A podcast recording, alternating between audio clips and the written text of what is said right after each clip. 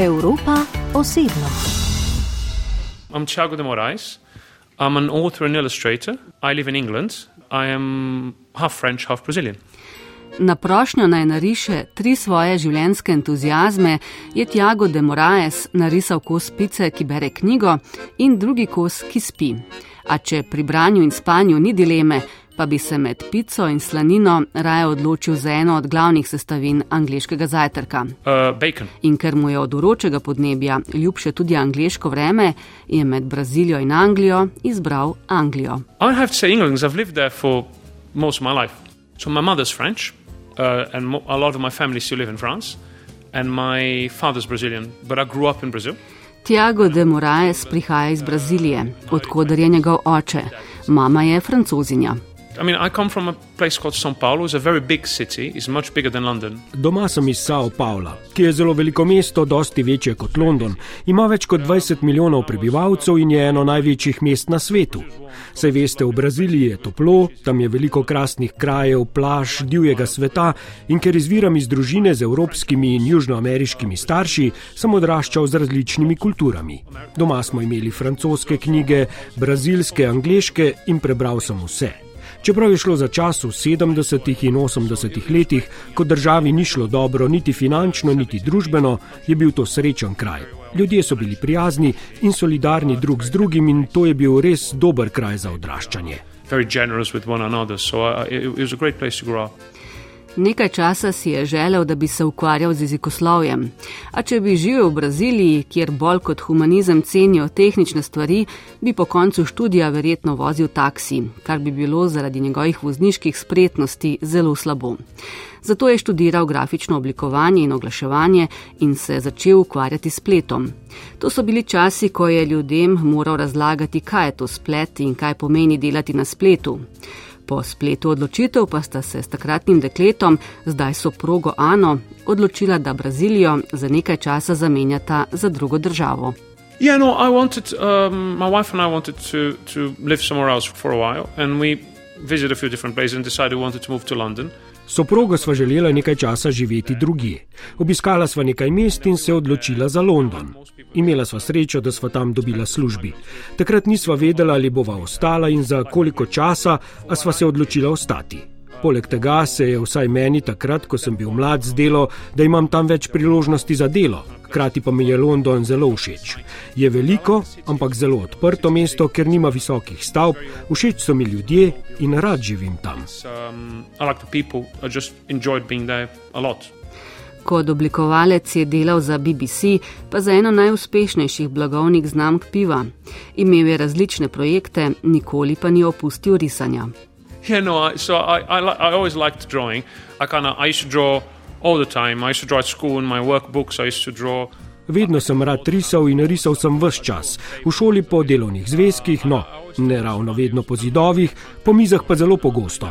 Risanje se mi je zdelo nekakšen zabaven, samo moj način, kako naj povem zgodbe. Tega nikoli nisem opustil in zato tudi danes delam, kar delam. Oblikovanje je zamenjal za ilustriranje in pisanje knjig, kar počne v majhni lopi na vrtu hiše v Londonu. Da ni v hiši vse razmetano, pravi.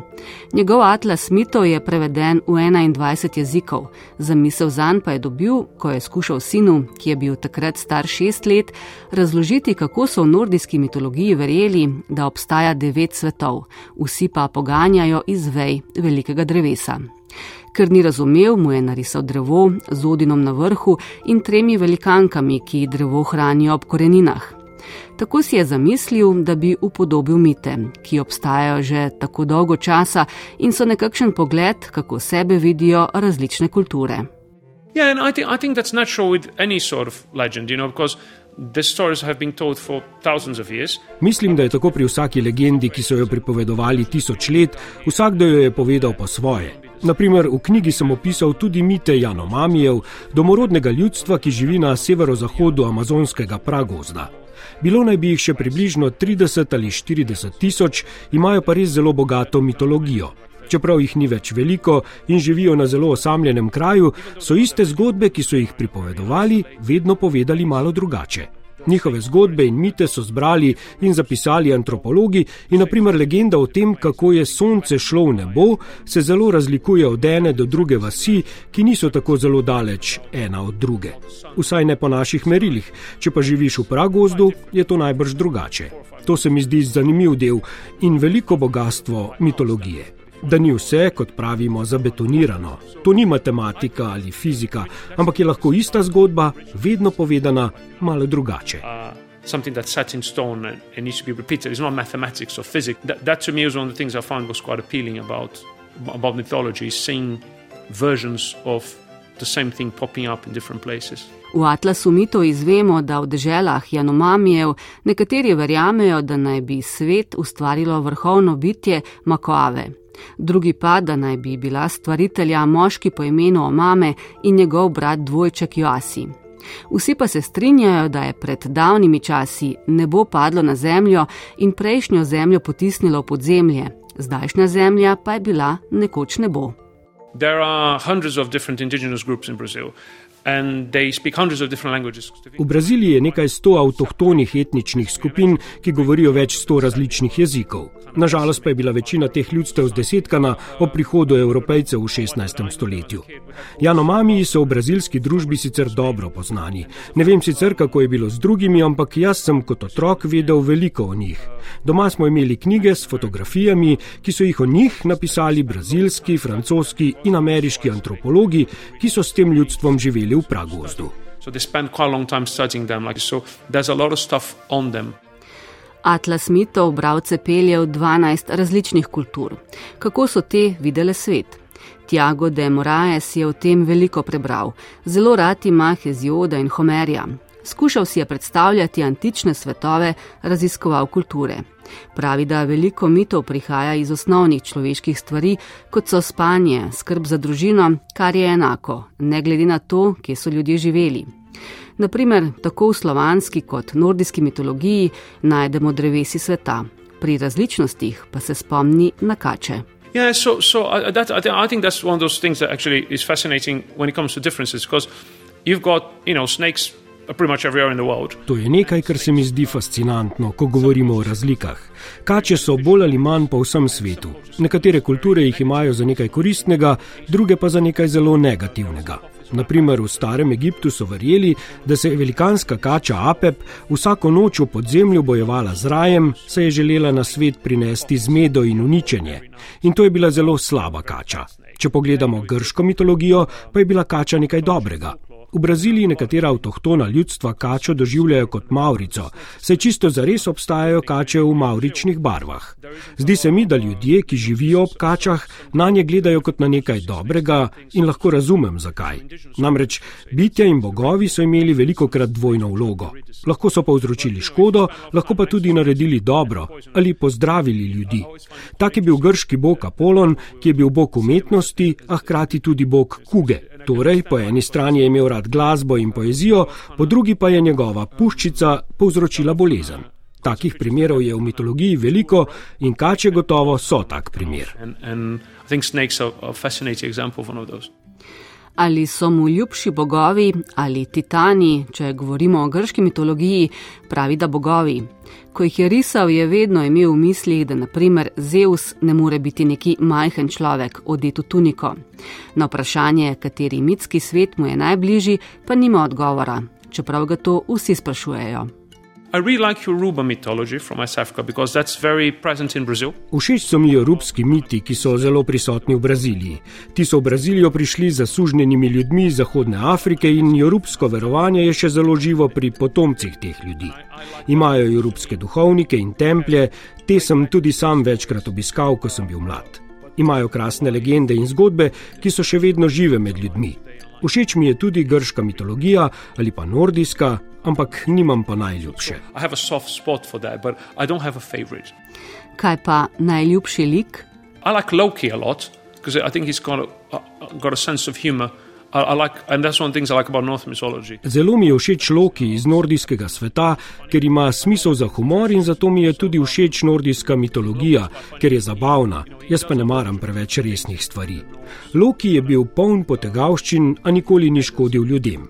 Bil je nadarjen za to, da se spravi v težave, a se je iz njih tudi vedno izvlekel. S časoma pa je postal zloben in naredil je nekaj zelo slabih stvari, ampak predtem pa je bil moj najljubši lik. O njem je napisanih veliko knjig, filmski studio Marvel je o njem posnel filme in zelo je priljubljen med otroki. He resonates, there's still loads of books being written about him as a character.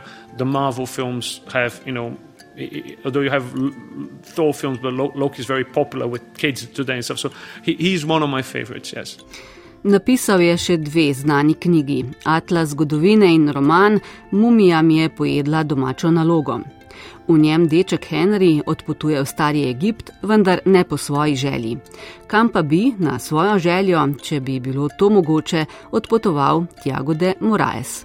Oh, see, uh, that, I have an answer for that. So, uh, unlike my friend, I would go to kind of Republican Rome, even though we know a lot about that. So, I'd go to that to actually just figure out, you know, how close it is Šel bi v Rimsko republiko. Čeprav veliko vemo o tem obdobju, bi se tja odpravil ravno zato, da bi se prepričal, koliko od tega, kar si mi predstavljamo o tem obdobju, je bilo res tako.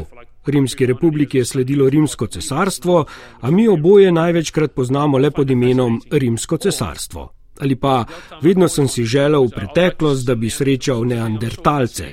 Dolgo se je mislilo, da so bili to kulturno neinteligentni človečnjaki, zdaj pa vemo, da so imeli kulturo, umetnost, skrbeli so za bolne in zato bi jih rad srečal, da bi videl, kaj vse imamo z njimi skupnega, poleg najbrž nekaj DNK-ja, pa tudi sicer bi se mi zdelo zanimivo srečati drugo človeško vrsto. Ne vem, ali bi se znal sporazumevati in kaj bi jih pravzaprav vprašal, le nekaj časa bi si želel preživeti z njimi. Veste, Homo sapiens, torej mi, smo edina človeška vrsta na svetu, a vseeno delamo tako zelo velike razlike med ljudmi. Kako bi se potem počutili ob neandertalcih, Najbrž zelo drugače. Ali pa ne? To je vprašanje, ki bi ga rad razrešil. We are fundamentally the same, then maybe we'd feel really different from them. Or maybe not. You know, I, I, that's, that's the question. That's what I would like to find out. Kot pravi, sta prva kritika njegovih del njegova otroka Tom in Billy, ki sicer ne mislita, da njun oče počne kaj posebnega, ko piše in ilustrira knjige. Za njo je to tako, kot bi bil računovodja ali taksist. Če menita, da kaj, kar nariše ali napiše, ni zabavno, mu to povesta. Se pa ima zdi imenitno in cenita, da ima nariše karkoli si izmislita.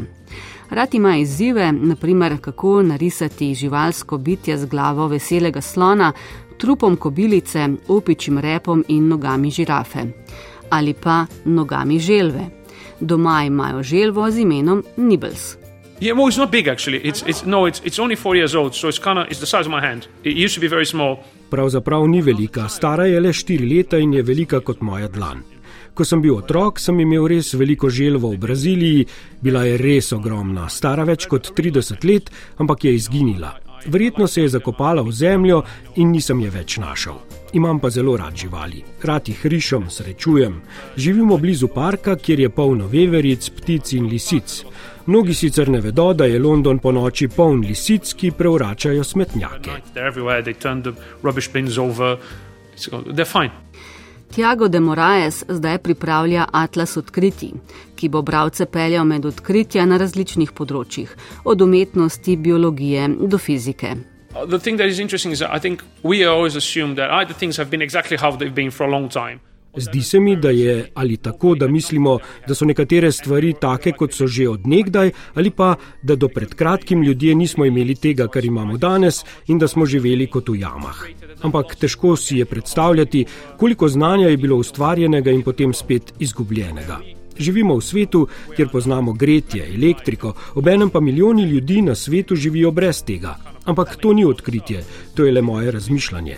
Recimo, Zanimivo odkritje mi je bilo najstarejše glasbilo na svetu, Neandertalčeva piščal, ki so jo odkrili prav tukaj, v Sloveniji. Potem še en primer. Pred 30 leti je z ladje, ki je plula iz Kitajske v Ameriko, v morje zgrmel zabojnik poln gumijastih rumenih račk. In ameriški znanstvenik je s tem, ko je sledil, kam je naplavilo te račke, odkril, kako se gibljajo morski tokovi. In ta ameriški znanstvenik, discovered that he actually could dis- figure out how the ocean currents worked by following where the ducks ended up. Tiago de Moraes, pravi bradač, ki ima rad knjige in ki rad dela tisto, kar ima dober vpliv na družbo, na vprašanje, brez katerega odkritja oziroma stvari bi sam težko užival, odgovarja, da brez črnila. Bi preživel, a njegovi dnevi bi bili veliko manj zabavni. You know, I would enjoy my day to day a lot less. And it's a small thing, and actually, the whole event will be fine today without it, but I, I, I really appreciate it.